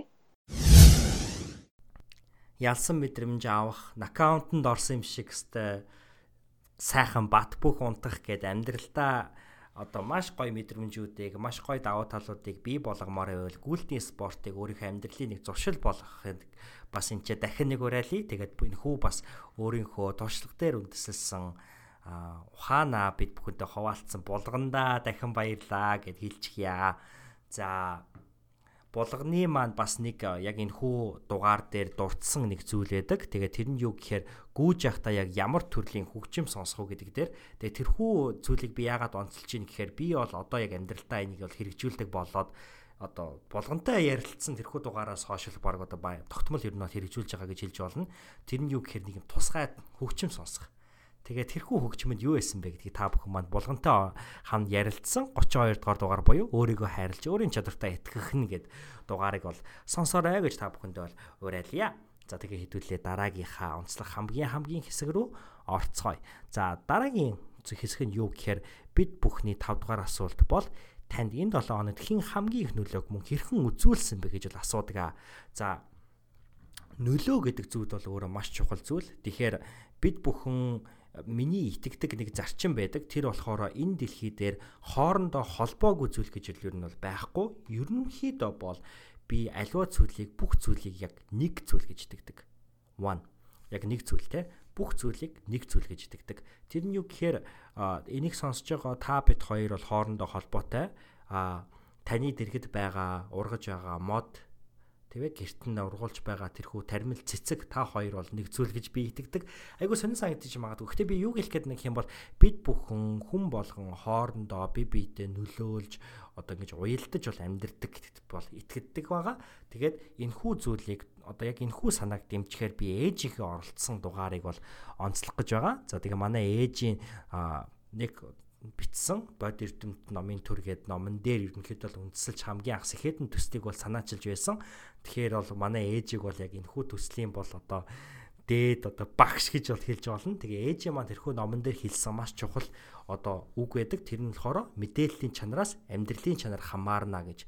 Энэ нэг төрлийн одоо контенттэй юм хамаатай юм шиг те мэдээлэл гэдэг зүйлтэй хамаатай юм шиг сонсогдох боловч яг үнэндээ мэдээлэл гэдэг нь түүнээс ч илүү гүн гүнзгий утгатай зүйл юм а гэдгийг та бүхэн дараах одоо хэсгээс бол сонсч аваарай. Манай ээжин оролцсон Нямена подкастын 39 дахь дугаараа дугаарыг маань гарч ихэд мөн адилхан мэдээллийн чанараас амьдралын чанар хамаарна. Доктор Сарантуя. Хүлээн авна уу? Ёс суртахуунаар хууль гэдэг бол тэр чигтээ байгалийн хууль юм шүү гэдгийг л сануулж байгаа. Хэрвээ бид нар ёс суртахуунаа дээдлж амьдрч чадах юм бол байгалийн хуультай ерөөс хизээж зурчилдаггүй. Тэгээ хүмүүс юу хардаг вэ гэхээр өнгөцхөн хүний нүдэн дээр харагдаад байгаа юмыг л одоо өнөөдөр энэ сарантай юу өмсцээ ямар гутал өмсцээ 50 одоо өнөөдөр сарантай 50 гарчгаад эмэг зөөхгүй явж гин гэдэг ч юм уу те. Иймэрхүү юмыг л хараад байгаа байхгүй юу? Өнгөцхөн хүний нүдэн дээр харагдах юмыг. А гэтэл цаана ингээд маш нарийн энэ бидний үйлдэл болгоны цаана маш нарийн нарийн ийм одоо материаллык материаллык одоо тийм хуйлууд үйлчлээд байна. Би өнөөдөр За нэг хүнд муу санчлаа гэж бодъё тийм ээ. За энэ ямар тэнэг амтан бэ гэд хэлчлээ гэж бодъё. А гэтэл энэ юм чинь ерөөсө хий хоосон галав болдгоо. Яагаад гэвэл нөгөө тэр маш нарийн байгалийн хуйлууд байдаг. Одоо тэрийг нөгөө Эрдэмтэн Вернацки гэж хүн тийм ээ. А бидний хэлсэн, ярьсан, үйлдсэн, бодсон болгон байгаль дээр хадгалагддаг. Тэр нь бол ноосфера буюу тийм ээ оюун мандлын оюун мандал дотор ингээ хадгалагдаад байж байгаа юм а. Тэр тэр бүх мэдээлэл хадгалагдаад байж байгаа гэдгийг тэр Эрдэмтэн Вернацки гэж хүн одоо нээгээд тийм ээ. Энэ оюун мандал дотор зөв мэдээлэл оруулахын тулд бид нэр зөв амьдрах хэрэгтэй юм а зөв яв суртахуунтай байх хэрэгтэй юм а гэдгийг бол хэлээд өгсөн байдаг л та. А тэгээд тэр нь бол яг л тэр нөгөө манай буддизмын тийм ээ сургаалаар тэр ведийн сургаалаар ч гэсэн адилхан. Одоо өнөөдөр тэр Рамадан гэдэг баяраа тэмдэглээд байж байгаа лалын шашинтнууд ч гэсэн адилхан хүн маш зөв эерэг бодолтой байх хэвээр. Хүн уучлдаг байх хэвээр, өршөөдөг байх хэвээр, тийм ээ? Бие биенийг хайрладаг байх хэвээр, хүнддэгдэг байх хэвээр. Гэт ингээд бүх юмыг ингээд тэр шашин шашныхаа зан үйл дотор ингээд багтаагаад ингээд хуульчлаад өгсөн байдаг л да. Тэгээд шашин гэдэг маань бол ерөөсөө тухайн арт түмний ёс суртахууныг хамгийн их тээж явдаг тийм зүйл байдаг. Тийм учраас ямар ч шашныг бол бид нар үгүйсгэж болохгүй. Бүх бүх шашинд хүндэтгэлтэй хандах хэрэгтэй. Яг тэгвэл тэр шашин гэдэг маань хүнийг нөгөө ясвартгуунтай хэвэрнэ байлгаж ясвартгуунд ясвартгуунлаг чанараар нь хүнийг байлгадаг. Тийм учраас бүх шашинд маш хүндэтгэлтэй хандах хэрэгтэй. Аа тийм учраас ийм л одоо зүйлийг бид нар бий болгох хэрэгтэй юм а. Тэгэхээр бид нарт ёс хэрэгтэй, ёстой шил. Одоо ёсын дагуу амьдрах ухаан. Өөрөөр хэлэх юм бол тэр тэр ёс гэдэг маань биднэрт хууль болох хэрэгтэй. А тэр ёсыг хэн бий болгодгийг амьдралд нэвтрүүлдэг хүн нь бол удирдахч байдаг.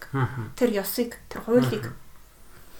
А тэр ёс хууль хоёрыг заадаг, сэтгэдэг, бий болгодог хүн нь багш сэтгэгч, номлогч байдаг.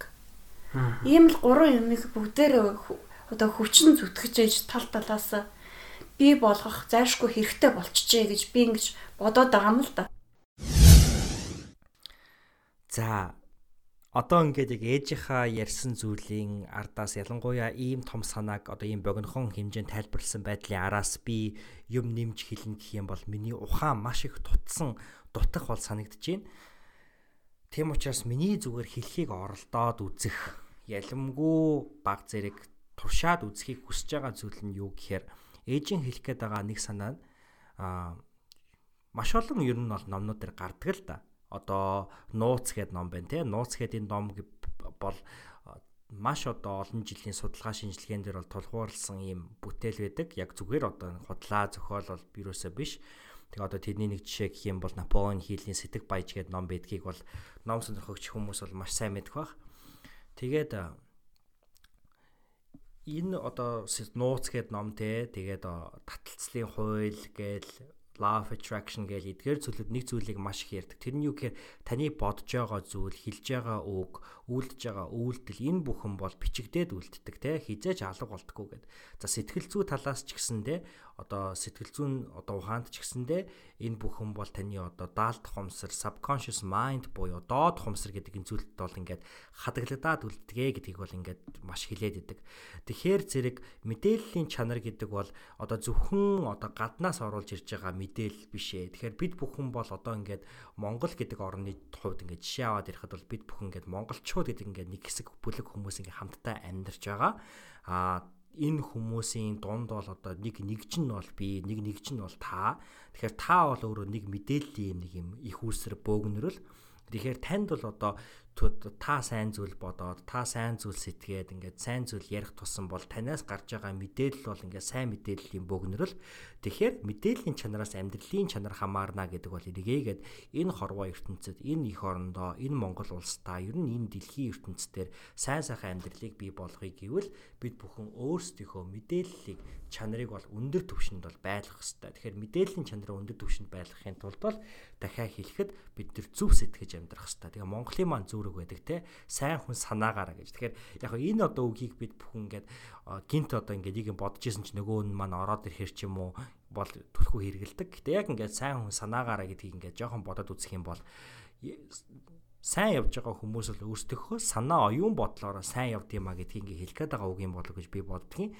Тэгэхээр зэрэг хэдүүлээ таны одоо бодож байгаа таны үйлд гаргаж байгаа үйлдэл таны сэтгэж байгаа сэтгэлгээ энэ бүхэн бол одоо бусдад бусдын амьдралд өөрийнхөө амьдрал төдийгүй бусдын амьдралд одоо маш их ач холбогдолтой нөлөө үзүүлэх үз зүйл учраас бид бүхэн дотроо бодолтой одоороо сууртай байх хэрэгтэй байна гэдгийг бол сануулсан нэг юм чухал ойлголт бол ээжээс маань бол гарсан байгаамаа. За тэгээд бас энэ дээр нэг дахиад нэг хэлэхэд ээж маань сая та бүхэн анзарсан бол сүүлдээ одоо энэ шудраг ёстой энэ ёс зарчмыг хэрэгжүүлдэг авчирдаг хүмүүс нь хин бэ гэхээр удирдахч гэдэг гэж байгаа. Тэрний дээр болохоор одоо номтой мэрэгэн багш нар байдаг гэдэг гэж байгаа. Тэгээд Энийг би ингээ сая өөрөө ингээ сонсоод сууж байхдаа бас нэг зүйлийг би та бүхэндээс уриалахыг хүсэж байна. Тэр нь юу гэхээр бид бүхэн эх орондоо хэрхэн хувь нэмрээ оруулах вэ гэж их асуудаг аа. Тэгээ энэ асуултаас би их айдаг байсан. Гэхдээ би энэ асуултын хариултыг олсон гэж бодож байна. Тэр асуултын хариулт нь юу гэхээр өнөөдөр бид нар их орондоо ер нь амьдралдаа гэр бүлийнхаа өмнө хариуцлага хүлээе гэх юм бол өөрийгөө таньж мэдж ойлгох хэрэгтэй. Тэгэхээр өөрийгөө таних, өөрийгөө ойлгох, өөрийгөө мэдэх гэдэг маань ингээд сонсоход надад Тэгээ санагдаг байхгүй. Тэгээ санагдаг байсан ч юм айгүй тийм хэцүү ойлголт. Өөрийгөө мэднэ гэж юу яриад байгаа юм бэ? Өөрийгөө яаж хүн ойлгох юм те? Зүгээр ингээд би жоохон залуу зандан тэнэг байхдаа бол би өөрийгөө мэднэ гэж боддог байсан. Аа. Гэтэ тэгээд дараа нь би болохоор би чи өөрийгөө мэддэггүй юм байна штэ гэж бодсон. А одоо болохоор би өөрийгөө мэдэх энэ аялалдаа явж байгаа юм байна штэ гэж би боддог байхгүй. Тэгэхээр өөрийгөө мэдэх, өөрийгөө таних гэдэг нь магадгүй ингээ анх сонсоход их хэцүү ойлголт юм шиг боловч зүгээр ингээ сайн бодох юм бол зүгээр л бид бүхэн өнөөдөр энэ хорвоо дээр яагаад ирсэн те? Яагаад бид нар амьдраад байгаа. За дээрэс нь надад ямар чадрууд би юуг чаддгийг, би юуг чаддаггүй, би юуг чаддаггүй ч гэсэндээ чаддаг болох ёстой юм. Эсвэл би ямар зоригтой юм? Би ямар зориг урдаа тавих ёстой юм? Тэр зоригтой хүрэхийн тулд би ямар хүч чадал, өөрийнхөө чадрууд, өөртөө байгаа нөөц бололцоо боломжууд боломжуудыг ашиглаж урагшаа ахих ёстой юм гэдгээ өөрөөсөө асуух ёстой. Тэгээ энэ асуултын хариулт гэдэг бол аа өөрийгөө таних одоо нэг алхам юм а. Бид бүхэн сайн бодох хэрэгтэй юм байна лээ. Бодно гэдэг бол зүгээр бид бүхэн өдөр тутамдаа хийдэг өглөө босоод ямар амтай кофе уух уу те ямар хоол идэх үү гэдэг бол бодох биш юм байна лээ. Үнэхээр бодно гэдэг бол яа өөрөөсөө өмнө нь асууж байгаагүй асуултуудыг асуугаад түүнийг маш нухацтайгаар бодоод бич тэмдэглэхийг бодох гэдэг юм байна лээ гэдгийг бол би бас энэ жил ухаарсан юм байна. Тэгээ тийм учраас бол та бүхэн бас энэ хүү ухаарлуудаас маань өчөөхнийг ч гэсэн авах гэх юм ханаар аваад бас та бүхэн бас хэрэглээрэй гэж уриалъя хамтдаа бас сайхан ирээдүг хамтдаа бүтээ. Аа за тэгээд уянгийн халил ороо явчихлаа гэдэг байхгүй юу. Тэгээд манай нэвтрүүлгийг бас яг ер нь шүмжлэл нэг ирдэггүй байсан юм аа. Ер нь нэг ирдэггүй. Гэтэ яг хөө ганц хоёр удаа шүмжлэлээр нэг сонсогч маань уянгийн халил ихтэй гэж сонсоогүй гэсэн тэгээд байгаа маань яг энэ аахгүй юу те. Тэгээ би яагаад нэг хэлж ийна гэх юм бол би өөрөө яг ингэж л ярьдаг. Энэ бол миний одоо хийж чаддаг зүйл. А тэгэхээр би энэ чаддаг зүйлээ дээрээ төвлөрөөд энэ чаддаг зүйлээ илүү хөгжүүлж байна гэдэг бол өөрийгөө таньж, өөрийгөө хөгжүүлж байгаа, өөрийгөө мэдж байгаа нэг хэлбэр юм а гэж би хэлхийг хүссэн юм а. За дараагийн хэсэг а Няминан подкастын маань одоо 6 дахь асуулт болохоор ийм асуулт байдаг гаргасан амжилт гэж. Тэгэхээр та энэ 7 хоногт ямар амжилт гаргаваа гэд. Тэгээ би энэ асуултан дээр яг амжилт гэдэг зүйлэн дээр тулахаас илүүтэйгээр амжилт гэдэг үгийг ингээд зүгээр сонсох юм бол те нэг зүйлийг л амжиж хийхийг амжилт гэж байгаа юм шиг. Эсвэл амаараа ингэж ярьсан зүйлийг бит зүйл болгоод тэр нь болохоор амжилт шиж байгаа юм шиг. Эсвэл таны гаргасан одоо мундаг зүйлүүдийг чинь хүн болгон ингээл яриад ам дамжаад ярихыг одоо амжилт ч гэдэг юм уу те мэдгүй. Гэхдээ ямар ч хэсэ амжилт гэдэг бол яг ингээд өөрөө ингээд маш хэцүү ойлголт байхгүй. Хүн болгоны хувьд л ондоо ондоо байдаг.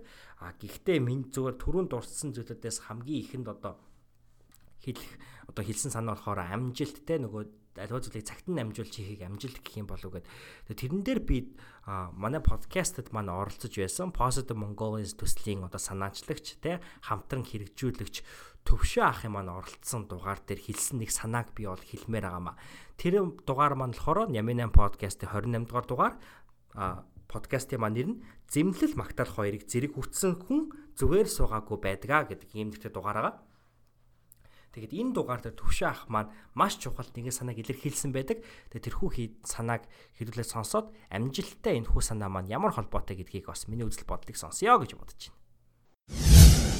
Тэр залуучуудаа би хандаж хэлмээр байна. Дөнгөж тэр 20 хүрж байгаа одоо өөрсдөө өстө 20 жуулахгүй 20 наснда гэж өөрийгөө хурцлж байгаа тэр залуучуудаа тэр хурцлж байгаа тэр ирээ өөрийнхөө тэр сурж боловсрох юмдаа зарцуулаа. 23-аас хойш бол та нарт сурах шанс бол болохгүй шүү. Яагаад гэвэл тэрэн дээр бити цаг алдаараа 23-аас хойш ингээл за бити юм сурна гэдрийг бити цаг алдаараа 23-аас хойш бол та нарын сонголт хийх юм болгоныг сонгож эцсийн байдлаар одоо тий 33 хүртэл би ингээд сонгоод ингээд юу яах тийм тестлж үзэх он жил үчүүл гэж хэлмээр.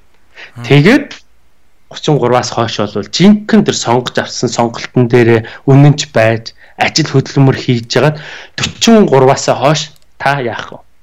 Тэр бүх юмныхаа үр шимийг үзэж дэлхийгээр тойрж аялаж энэ тэрүүгээр өөрийгөө амрааж тех нас чинь шүү. Тэгжиж тэх юм бол ингэж чадах юм бол үхэхтэй харамсахгүй өгөх юм байна гэж. Аа. Одоо бид нар чинь үхэхтэй одоо харамсахгүй өгөхийг л бодоод байна шүү дээ. Аа хүн ерөөсөө ингээд яг өөхөх ингээд нас нь ойртод ирэхээр ингээд айгүй их юмд харамсдаг юм байна л та. Яах гэж тэгж их ажиллаваач гэж ах шиг тий. Тэгэхээр л ерөөсөө 43 хүртэл л одоо ажиллаад 43-аас хойш болоо. Тэгэхээр цаашаага одоо 43-аас хойш ажиллахгүйгээр хүн хөлтлөө амьдрах тэр хөрөнгө, тэр мөнгө, тэр болцоог тэр бизнесд чамааг ингээд тижээгэж авчих тэр бүх нөхцөлийг л бүрдүүлээ л гэдэг байгаа байхгүй. Аа. Зэв зэв. Би бол ерөөсөө тэрний төлөө л явахаар шийдсэн. Тэгээ ингээд бодоод үзсэн чи би яг зөв зөв явсан юм шиг санагдсан шүү надад л. Аа. Одоо бол миний бүх юм одоо эцсийн сонголтууд бол дуссан шүү дээ. Хань ижлийн хувьд ш тэр мэрэгчлийн хувьд тэр надад одоо дахиад шинээр сонгодох шаардлага байхгүй. Аа. Одоо миний бол чиг нөгөө ажиллах 43 хүртэл ажиллаад 43-аас хойш бол ингээл сайх амарнаа л гэж боддог. Аа. Амьдрал өөрөө их богинохон байхгүй. Ингээ бодоод үзэхээр айгүй богинохон байгаад байгаа байхгүй. Аа. Тэгэхээр цаг хугацаа эргэж болтохгүй амьдрал өөрөө маш богинохон учраас залуучуудыг ингээд хий дими PC тоглох ч гэдэг юм уу эсвэл хий дими найзуудтайгаа зүгээр чалчих ч гэдэг юм уу тий энэ цаг хугацаагаа бити үрээрээ тэр сурах өөрийгөө боловсруулах тэр сонголтуудыг хийх зөв сонголт хийхин тулд наана маш олон буруу сонголтуудыг хийж тестлэн штэ тэгжээж аа энэ бол миний зөв сонголт юм байна штэ гэж эцсийн дүн дээр сонгоно Тэр тэгэхээр тэр сонголтуудыг хийх тэр цаг хугацаа, тэр өөрийгөө хөгжүүлэх тэр цаг хугацааг зүгээр нэг PC тоглох ч гэдэм үү, зүгээр нэг найзуудтайгаа маазрах ч гэдэм үү, зүгээр л нэг ингээд зүгээр цаг хугацааг бити өнгөрөөгөөрөө хийх юм их байгаа шүү л гэж хэлэх гээд байна. Аа яа яа. Үнэхээр гайхалтай. Яалтчгүй бүр ингээд дахиад сонсохоор маш их чухал нөлөө үзүүлж байна. Тэгээ яагаад үг гэхээр би яг энэ подкастыг төвшөө ахтайгаа их сургуулаа төгсөхийн өмнөхөн хийжсэн. Тэгээд би энэ жил 23 нас хүрсэн. Одоо 23-тай. Тэгээд төвшөө ах юм маань яг хэлсэн санаа юу гэхээр 20 нас гэдэг бол 20 жолохгүй 20 нас мөн а 20 жолохгүй 20 нас гэдэг нь болохоор 20 цэргүү гарч одоо шоудах зингээдэх те хөгжилдөх нас гэхээс илүү одоо тийм биш. А тэрнээс илүүтэйгээр юу илүү чухал гэхээр 20 жолохгүй хоошоо сууж болохгүй хөдөлмөрлөх хичээх ийм нас бол 20 нас юм а гэж бол хэлсэн юм а. Тэгээ 23 наснасаа их ахуулаад хүн бол одоо а өөрийнхөө одоо сонголтуудаа хийдэг те амьдралынхаа чухал чухал сонголтуудыг хийдэг гэд. Тэгээ яг энэ зүйлийг ингээ хэлсэн чинь үнэхээр яг 23 нас хүрээд би их сургуулаа төгсөж чинь хамгийн анхны ажилдаа орсон.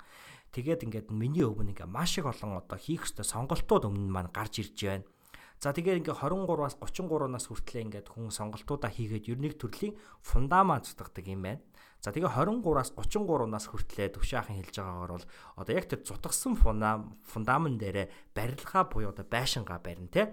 За тэгээд 43 наснаас ахуулаад тэр барьсан байшингийнхаа одоо үр шимийг хүртээд амьдрах хэрэгтэй байна. Тэ тэр дээрээ дээвэртэй дулаан сайхан оромжийнхоо ч гэдэм өөрийнхөө барьсан тэр бат бөх фундаменттай байшин дотроо ингээд сайхан одоо амьдрах те энэ боломжийг бол одоо өөрийгөө өөртөө бүрдүүлэх ёстой гэж бол хэлсэн. Тэгэхээр нэг төрлийн залуучууд бид бүхнийг алсын хараатай амьдраа гэдэг энэ санааг хэлсэн юм а. Тэгэхээр амжилт гэдэг бол алсын хараатай амьдрахын одоо илэрхийлэл юм болов гэж би бол энэ 2018 онд бол харах болсон. Ягаад үг гэхээр хүн болгоны хувьд, таны хувьд, миний хувьд өөр өөр ингэсэн ондоо алсын хараатай. Яг хөө мэдээж хэрэг зөвхөн 23, 33, 43 гэдэг тоонд бол баригдах алба юусоо байхгүй. Хүн болгоны цагийн хүрд те цагийн зохилох зүй энэ цагийн хэмжээ гэдэг бол ондоо хүн болгоны хувьд бол альва зүйл бол ондоо цаг цаг цаг хугацаанд бол ирдэг. Таны цаг хугацаа гэж би, миний цаг хугацаа гэж би.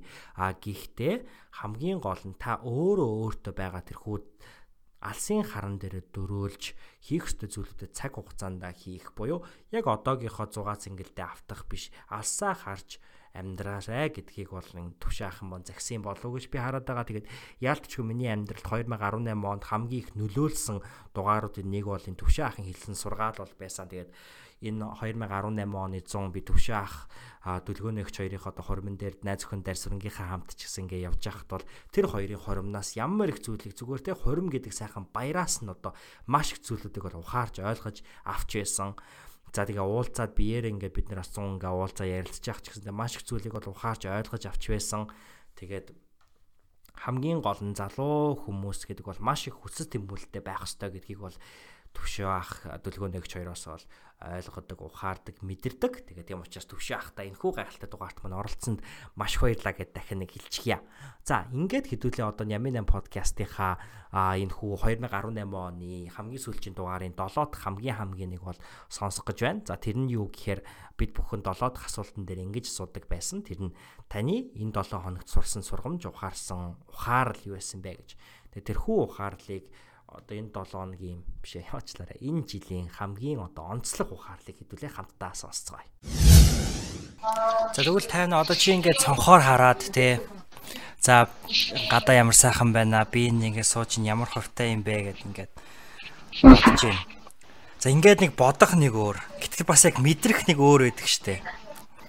Ер нь юу гэх юм би яг юу хэлэх гээд байна гэхээр заримдаа би яг ингээд амьдрал талархъя гэдэг ингэхээр одоо яг ингээд дотроо бодно шүү дээ те одоо би амьдрал юунд талархж байгаа байлаа ингээд бодно. Гэтэл заримдаа яг тэр талархж байгаа юм шиг тэр өндөр мэдрэмжээ нэг мэдрэх хөстэй хэмжээнд мэдрэхгүй ч байгаа юм шиг.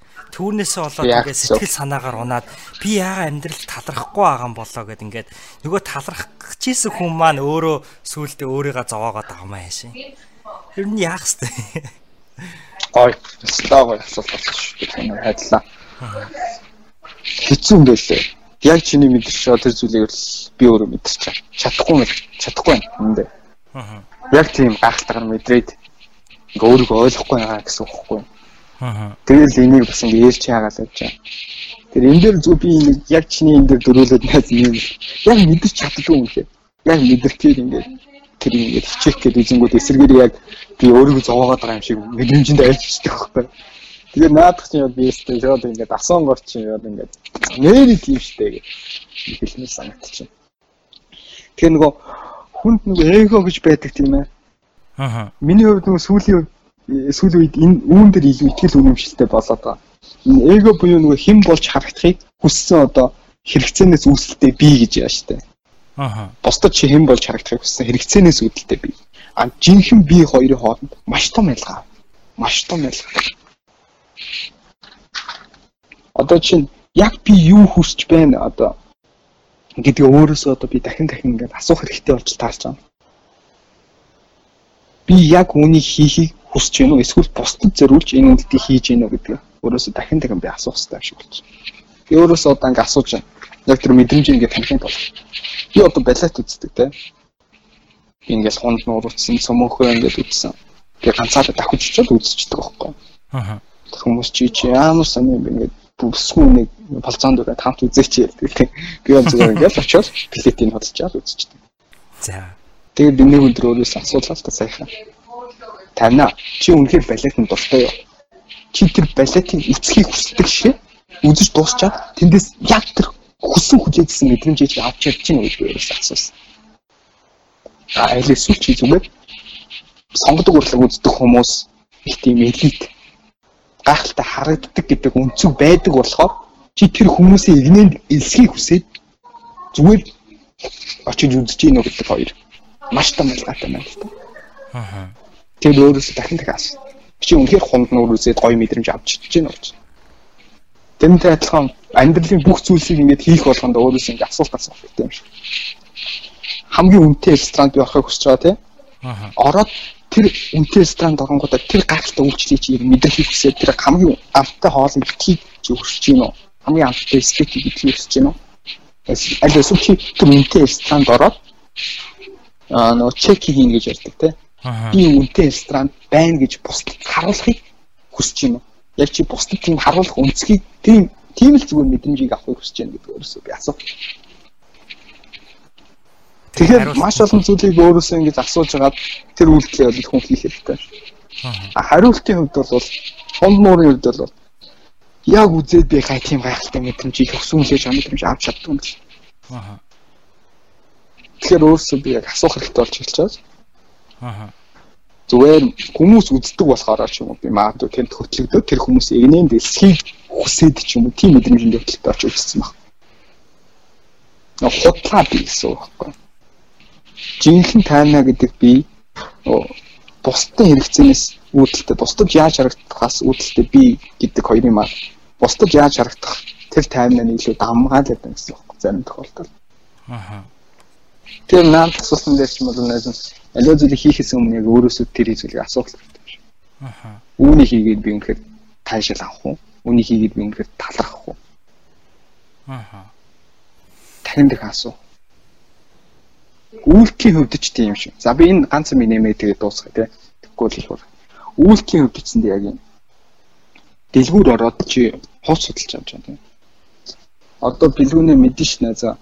Найз нь бол ингээ 3 костюмтай. Ингээл дөрвөн цагаан цамцтай. Хэд хэдэн сорооч бол ингээ байгаа. Би амралтын өдөр гадуур явсан гэсэндээ сорооч костюм өмсөө явах надад гоё идэг. Тий. Өөртөө их ихтгэлийн нэмэдэж идэг. Тэгэд найзууд гайхдаг байхгүй. Чи амралтын өдөр энэ тэнд уулзалтай байсан юм уу? Үгүй гэдэг. Тэг яхаа костюм өмсөж өрөөд ирсэн юм. Надад тэр нь гоё яваад байгаа байхгүй. Гоё яхаас гадна би нэг загварлаг харагдах гээд би олон төрлийн за нэгдүгээр өдөр юм хувцсан юмсан, хоёр дахь өдөр юм хувцсан гэдэг 7 хоногийн 7 жилийн хувцас надад байхгүй. Үүндээ гурван костюм хамгийн сүүлд би хэзээ дэлгүүр олсноо санахгүй. Өөрт байгаа тэр 3 4 жилийн тэр хэдэн хувцаанд би цэвэрхэн цэмцгэн өмсгөн надад тайвтай байдаг. Бусдаар илүү тухсан нь надад бол тийм сонирхолтой биш. Хүн болгон хэрэгцээ та. Зарим хүн хувц өмсөд тэндээс гоё таашаал аваад явах. Тэгэхээр хүн хувц авахтаа хүртэл нэг зүйлийг өөрөөсөө асуусан. Энэ хувцсыг би өмснөрөө урт хугацаанд би үнэхээр гоё таашаал авах юм уу? Би дүнээрээ хийх юм уу? Тэгвэл ганц өдрийн нэг үдшилтэд зориулж би энэ хувцсыг нэг бол худалдаж авч байна? Тэгээ ганц л өмсөн жилдээ. Тэгэл чааш нь хадгалж. Тэгээ дахиж гаргаж өмсдөг. Мөн тэр хин нэгэнд яагаад бид нэг аз жаргалын унтраалга яагаад хэн нэгний гарт байрлуулах ёстой юм бэ гэдэг үгийг өөрөөс дахин асуух. Зя сая ингээ 58 маань байла. Энэ болохоор 58-гийн маань оролцсон 2018 онд оролцсон подкастын маань 18 дугаар дугаар байдаг. Тэгээд энэхүү дугаарын маань нэр болохоор яг энэхүү дугаарын нэрийг би ингэж өгсөн байт юм аа. Хин нэгэн болохыг хүсв үү? Хин нэгэн болж харагдахыг хүсв үү гэд. Урт нэр байж магадгүй. Урт нэр байж магадгүй. Гэхдээ надад хамаагүй. Ягаад гэвэл энэ нэр бол хамгийн зохисон нэр энэ подкастын энэ дугаарын хамгийн гол утга санааг агуулсан юм нэр байсан. Тэгээд 50-нагийн яг саяны хэлсэн зүйл яг энэ ярьсан яриа магадгүй ингээд хүн дүүрэн танхимд ингээд байж исэн бол 50-наа саяны хилээл ингээд микрофон унгаа уулстай тэр тэр танхимд байгаа бүх хүмүүс босоол өстой халуун алга ташл өгөхөөр тийм одоо яриа өгсөн байгаа. Тэгээд энэ яриа бол зүгээр миний гэлтгөө маш олон хүмүүсийн амьдралд нөлөөлсөн байдаг. Тэгээ маш олон хүмүүс энэ 50-нагийн дуу энэ хүү дугаарыг сонсоод амьдралд нь одоо баг 360 градус иргэсэн те. Ингээ оронгороо иргэсэн маш том өөрчлөлт авчирсан гэдгийг бол ингэж үргэлж хэлж исэн. Тэгэхээр манай Сэхэтэн подкастын хамтран хөтлөгч 55 номын хилэлцүүлгийн санаачлагч хөтлөгч 58 бол 2018 онд бол яг энэ хүү Сэхэтэн подкастыг дараагийн шатанд авчирхад маш чухал хамгийн том одоо үүрэг ройлыг гүйцэтгсэн хүн байгаа. Тийм учраас 50 надаа хамтрагч чамдаа маш их баярлалаа гэж би бас хэлмээр нь 2018 оны энэ хүү төгсгөлд тэг хэдэн цудаа 50 надаа бас баярлалаа талархаж чинь гэж хэл хэлж гин бол мэдэхгүй байна өө мэдэхгүй байна.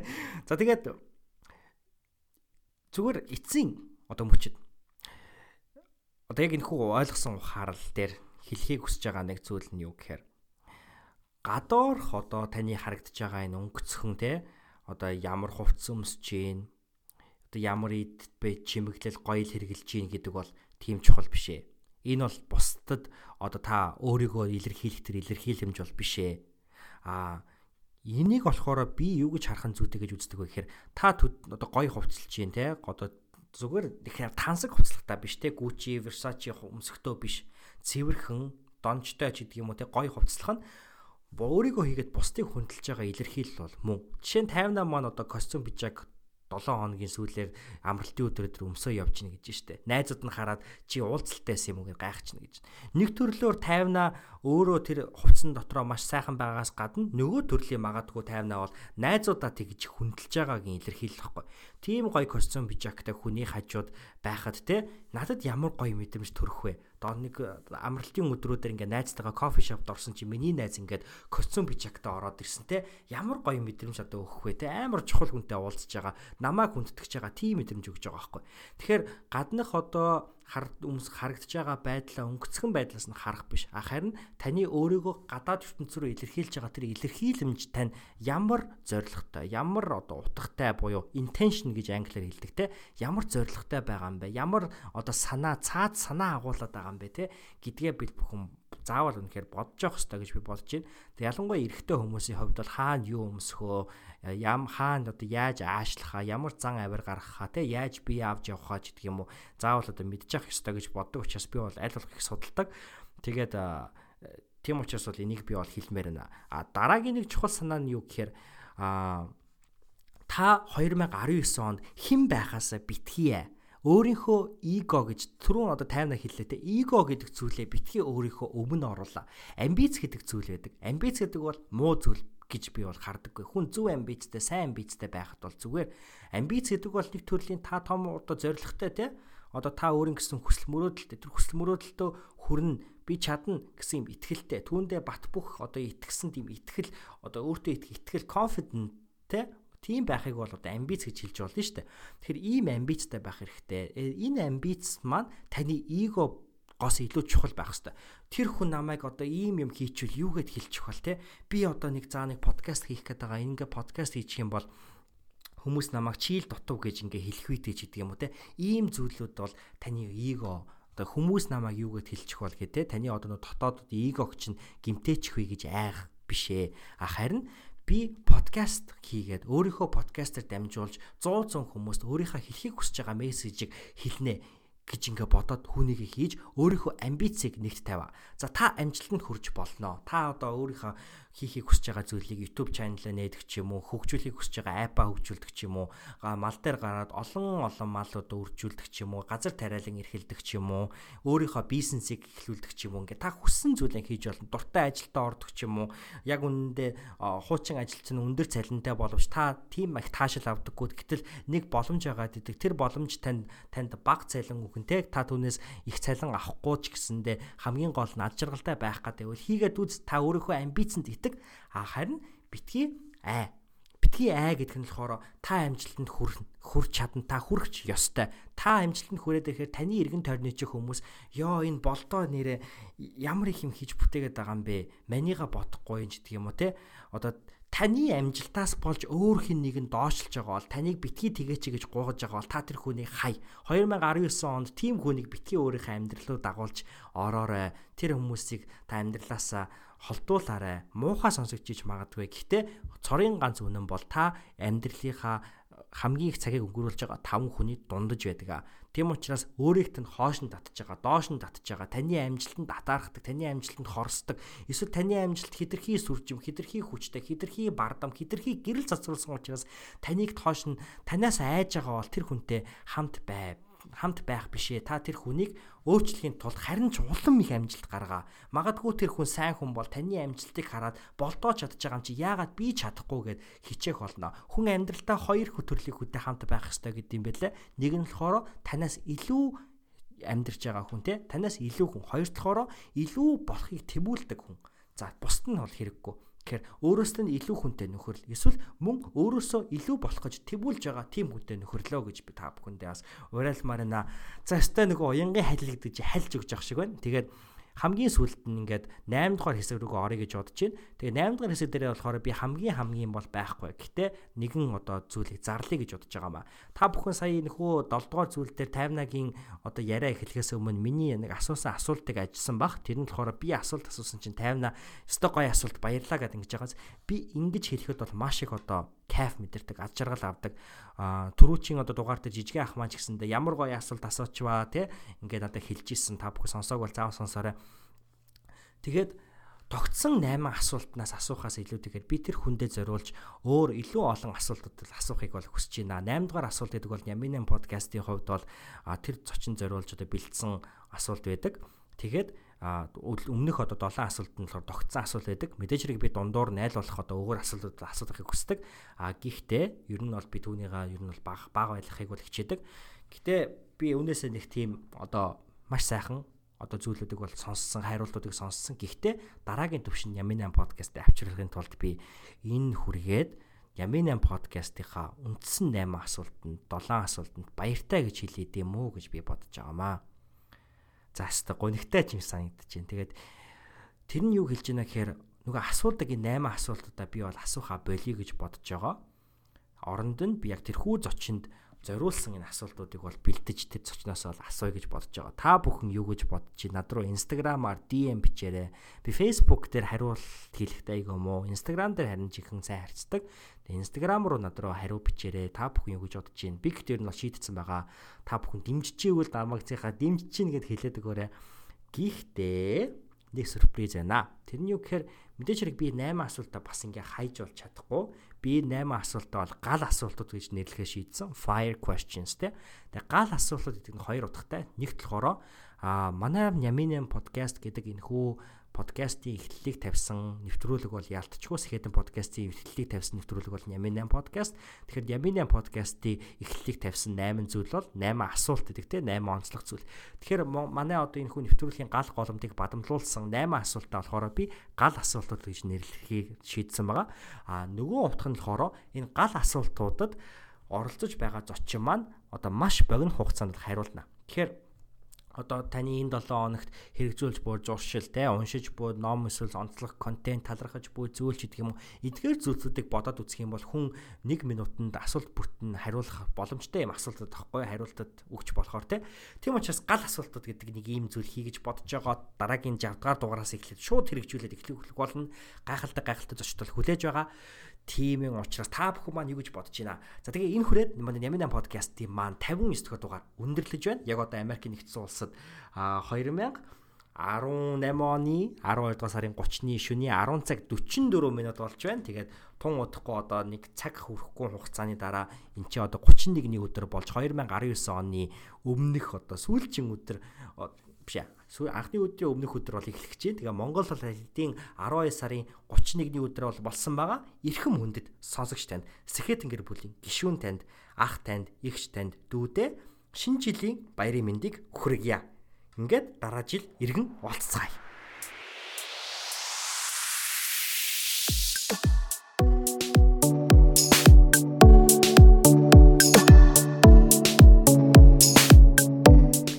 Хүрээд Ямин подкастын маань 59 дугаар дугаар өндөрлөж байна. 2018 онд тантай хамт байх миний хувьд нэр төрийн хэрэг байлаа.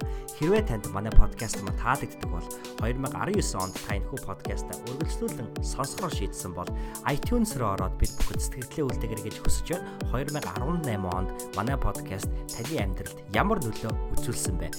та хэрэг хүсвэл Instagram дээрээ миний нэрийг буюу цогт бэлгүүн дээр гэж меншн хийгээд story дээрээ бичээд надад хариу өгөөрэй. Би тэгвэл маш их баярлах бол. Баярлаа. Баяртай.